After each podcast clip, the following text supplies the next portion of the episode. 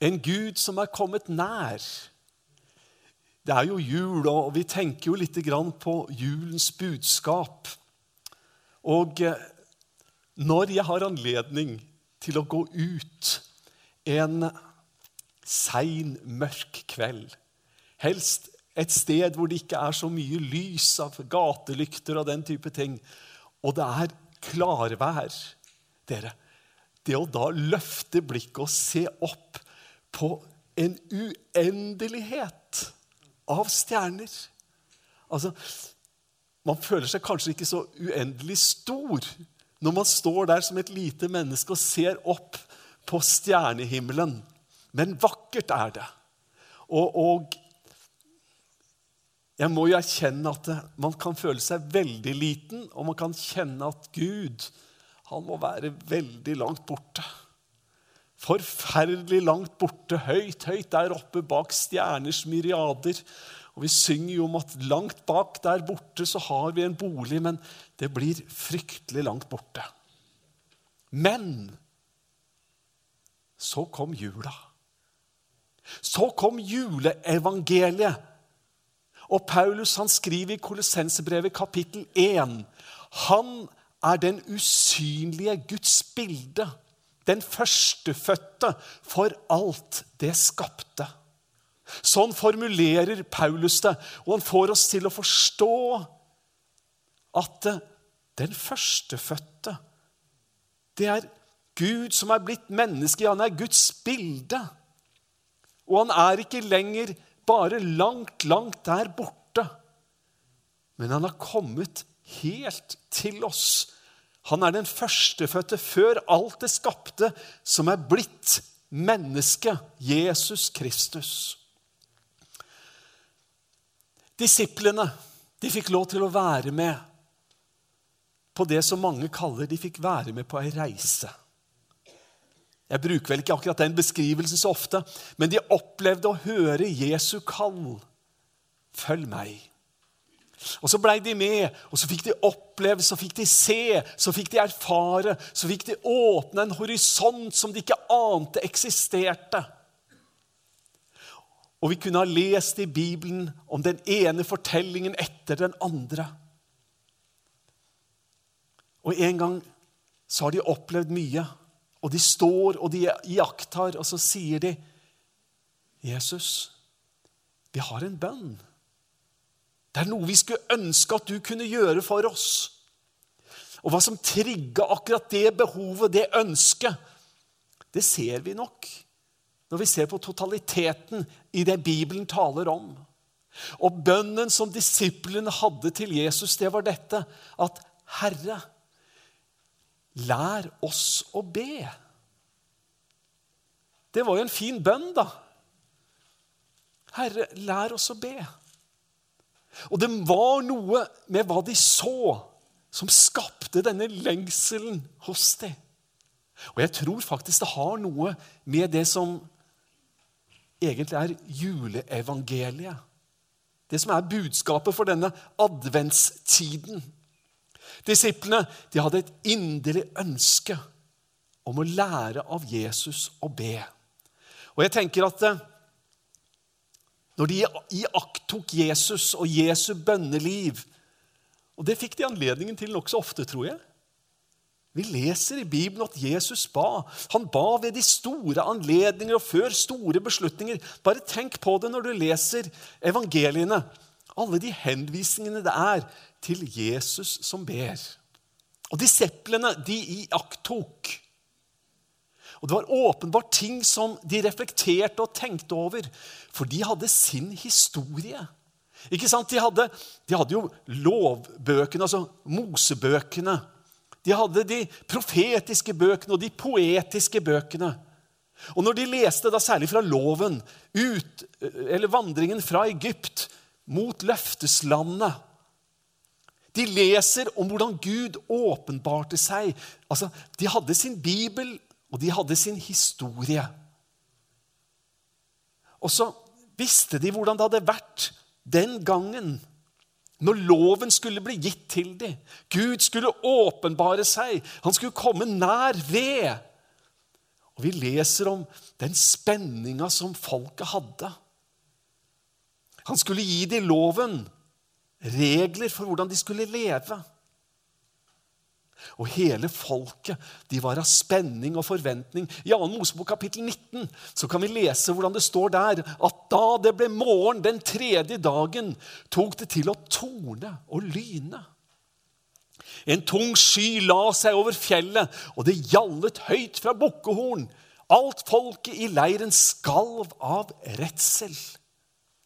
Nå er det Gud som skal åpenbare seg, riktignok på veldig avstand, men dog mye nærmere enn det de var vant med, og mye mer kraftfullt. Et par vers lenger ute i historien kunne vi lese om at røyken steg opp som røyken av en smelteovn, og hele fjellet skalv. Det er Gud som åpenbarer seg.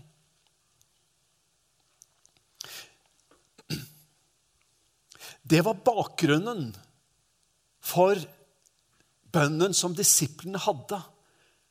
At Gud han hadde åpenbart seg i ild og kraft, og i tillegg til redsel som fylte de, og, som, og fjellet som skjelver, så hører de Moses røst. Moses som sier at 'hold dere unna', 'kom ikke for nær'. 'Kommer du for nær, så må du dø'. Altså, Det er rammen rundt deres gudsdyrkelse. Det var ingen der som ba 'Å, Gud, vi må komme nær deg'. Det var jo det de var redd for. Vi må for all del ha avstand, sånn at ikke vi ikke går under. Og så ser disiplene noe i Jesu bønneliv som de opplever så radikalt annerledes. I forhold til den bakgrunnen og alt det de hadde lært, og alt det de var oppfostra til, så ser de en som ber. Og de hadde jo hørt hvordan han talte med Gud i, i bønn. Og så kommer de med bønn, sitt ønske 'lær oss å be'. Og så sier han 'ja, det skal jeg gjøre'. Jesus var ikke vanskelig å be. For han lærte disiplene gjerne å be. Og om, om det hadde vært vanskelig for disiplene å fatte og forstå, så ble det sikkert ikke noe enklere når Jesus lærte dem hvordan de kunne begynne sin bønn, når Jesus sa at dere skal be, så skal dere si 'Vår Far i himmelen'. Og da, da strekkes disiplenes evne til å fatte og begripe. For husk hvordan Sinai-fjellet står så meisla fast i deres tankegang. Gud, ild, kraft, frykt, ikke kom for nær. Og så ser de Jesu bønneliv. Og så hører de hvordan Jesus underviser dem om at når dere ber, så skal dere kunne si 'Vår Far i himmelen'. Og ikke bare det. De får beskjed om at de kan be litt om daglig brød og alt mulige ting som de trengte. Det var en som var kommet nær. Det var ikke lenger en enorm avstand opp til en stjernehimmel, og høyt der oppe så troner Gud i hellig, hellig hellighet. Men nå er Gud der rett ved deres side. Jesus' bildet Ja, så identisk at han, Jesus sier at den som har sett meg, har sett Faderen. Og han lærer de å be, og de får lov til å si Far i himmelen. Det er en Gud høyt der oppe. Ja, det er det. Men julens budskap, det er jo at han har kommet til oss. Han er ikke lenger bare langt der borte. Og vi leser hvordan dette blir utlagt for oss fra forskjellige synsvinkler. Vi ser det i Jesu liv. Men vi ser det kanskje enda tydeligere ved Jesu død. Vet du hva? Jeg tror jo på Bibelen. Og, og, og jeg tror at når Jesus døde på korset, så revner tempelet, eh, eh, forhenget i tempelet. Det forhenget som skilte oss mennesker fra Guds nærhet. Og Jeg tror det var et mirakel. Og jeg tror ikke det kan forklares på noen annen måte enn at Gud sa at sånn skulle det være. Og jeg som tror på skapelsen altså Jeg vet lite om hvordan Gud skapte, og det interesserer meg ikke engang så veldig. Men, men du, det er én som er opphavet til alt. Det er en skaper. Jeg tror på Gud. Og du, jeg tror at denne som har skapt himmel og jord på forunderlig vis Jeg tror at han, han har all makt i himmel og på jord. Og jeg tror det var et mirakel som skjedde. Det var at forhenget det revna fra øverst til nederst. Og jeg tror det var egentlig for at vi skulle forstå at her er det Gud som har grepet inn. Så har han tatt tak og så har han rivd det i stykker. Og hvordan det skjedde, og alt mulig, det, det interesserer meg heller ikke så veldig. Men poenget, budskapet, det er jeg levende opptatt av. Det er jeg levende opptatt av. Og det er at Gud er ikke lenger skilt fra oss. Det hellige der og, og vi syndere her ute som ikke har anledning til å komme inn. Ypperstepresten får lov til å gå inn én gang i året til det aller helligste. Du kan kanskje mye av ditt gamle testamente. Så rives forhenget. Så er ikke Gud langt der borte, høyt der oppe. Så har Gud kommet til oss. Det er juleevangeliet om at han kom. Paulus han skriver i Kolossenserne 1,15, sånn som jeg har sitert. Han er den usynlige Guds bilde, den førstefødte før alt det skapte. Vi vet hvordan Gud er. Jeg får mange ganger spørsmål om hvordan Gud er. Og da svarer jeg jo som sant er at vi forstår oss ikke på Gud. Vi kan ikke forklare fullt ut hvordan Gud er. Og det er jo sant. Men samtidig så vet vi jo nokså mye om Gud. Vi gjør jo det. For vi har jo Bibelen, Det nye testamentet, som forteller oss om hvordan Jesus levde. Hva han lærte, hvordan han handlet. Og vi har Jesus, og vi får lov til å si at jo, Gud er slik som Jesus. Bibelen lærer oss det. Om igjen og om igjen så kan vi lese tekstene vi vet det er sant, sånn som vi har sitert. Han er den usynlige Guds bilde. Han viser oss hvordan Gud er. Så da må jo vi tenke på hvordan var Jesus? Når vi har lyst til å vite hvordan Gud er, så kan vi jo lese i Bibelen om hvordan er Jesus. Hvordan beskrives han?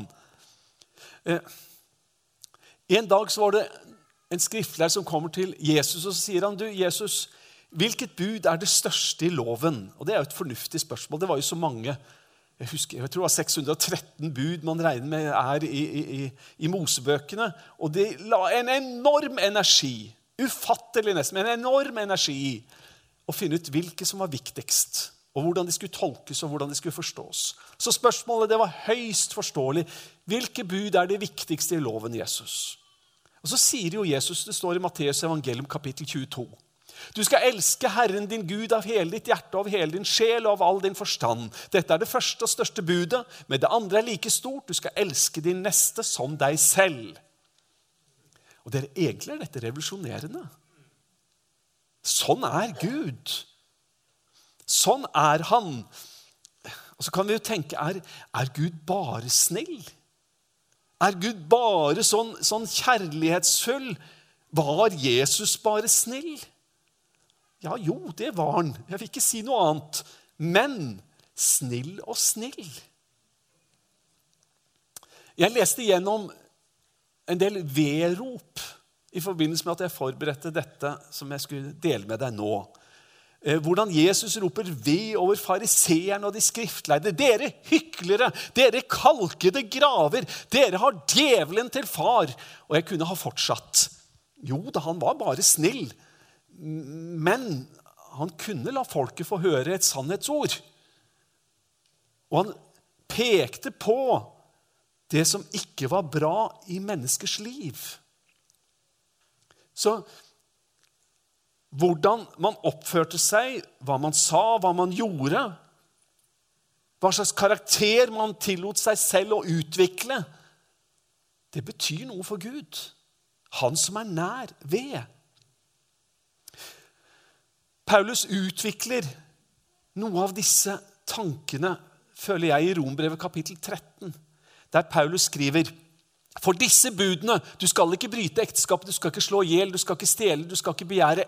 Eller hvilket bud det så er, sammenfattes i dette du skal elske din neste som deg selv. Her, her på en måte fokuserer Paulus Jesu undervisning om disse to budene inn til ett. Si at det sammenfattes her. Hvilket som helst bud sammenfattes i dette. Du skal elske din neste som deg selv. Selvfølgelig må Guds kjærlighet, eller kjærligheten til Gud være til stede for å kunne makte dette. Det er Guds verk i oss. Men når det gjelder det som er synlig, for det er ikke så lett for oss å se hvordan, hvor høyt vi elsker Gud Men det går an å iaktta hvor høyt mennesker elsker hverandre. Så Vi ser det på det. Det kjærlighetsbudet slik som det utvikles her. Kjærligheten til, altså, til hvilket bud det så er. Jeg må bare dele tanken med deg. Eh, jeg tror at vi har en fasit her. Jeg tror det er veldig interessant. For at vi møter så mange ting i livet våre hvor det kan være vanskelig for oss å vite hva skal vi gjøre med dette. Hva, hva, hva lærer Bibelen oss? For eksempel, hvis jeg hadde vært en jøde på flukt under krigen og kommet til ditt hjem og gjemt meg opp på loftet, og så kommer politiet og spurt er Helge Terje her. Ja, vi vet at man skal ikke lyve. Men så kan man jo undres, da skal du si ja, jo, selvfølgelig, han gjemmer seg oppe på loftet, for sant skal sies. Eller skal du tenke at det, uansett hvilket bud det så er, sammenfattes i dette du skal elske din neste som deg selv. Slik at når vi står overfor disse vanskelige spørsmålene Nå tok jo jeg et enkelt. Men når vi står overfor disse vanskelige spørsmålene, så har vi på en måte fått en standard. Men du, dette er jo ikke ikke gitt oss for at ikke vi skal holde budene. Det er ikke gitt oss for at det skal annullere alt som er sagt. Altså, disse budene, Du skal ikke bryte ekteskapet, du skal ikke slå i hjel, du skal ikke stjele. Det er ikke sånn at det, dette med eller hvilket bud det her sammenfattes slik at de oppheves. Nei, det er jo tvert imot. Det er jo tvert imot. Paulus understreker at disse budene har et, et siktemål. Og siktemålet det er at kjærligheten til våre medmennesker, til vår neste, skal bli tydelig i våre liv. Og Hvis vi ser en konfliktsituasjon og ikke skjønner, så har vi faktisk lov til å stille oss spørsmålet. Ikke for å oppheve noen bibelord, for det er ikke det de er ment som. Men det er lov til å stille seg spørsmålet hva er det mest kjærlighetsfulle som vi kan gjøre i denne situasjonen. Og da er det ikke snakk om en sentimental snillisme. Det er ikke snakk om en sentimental snillisme hvis noen spør gjemmer Helge Terje seg her oppe på loftet hvis det at jeg var jøde under krigen og politiet var etter meg. Da er det spørsmål om hva er det mest kjærlighetsfulle å gjøre i en slik situasjon? Og en del sånne situasjoner kommer vi opp i gjennom vår vandring, i møter med ting som Bibelen ikke nødvendigvis er tydelig om. Men vi har en standard. Og det var det som disiplene opplevde. De ser opp til Jesus. De ser hans liv, hvordan han levde. De så hvordan han prioriterte, de så hvordan han åpna opp sine armer. De hørte kritikken. Å, han går inn til syndere han er sammen med, med, med og fester der. Og, og, han er en vindrikker påsto de. Altså, de, de så hvordan Jesus var. Hvordan han tillot folk å komme nær ham som de aldri ville tillot, tillatt. De så hvordan Jesus sitter der og snakker med kvinner ved Sykars brønn. Det ville de aldri ha gjort. Det utfordra deres tolkninger av hva som var tilbørlig. Men de lærte hvordan Gud var. Han var ikke bare høyt der oppe. Han var kommet tett til dem. Han er den usynlige Guds bilde. Den førstefødte før alt det skapte. Og for meg så er det juleevangeliet.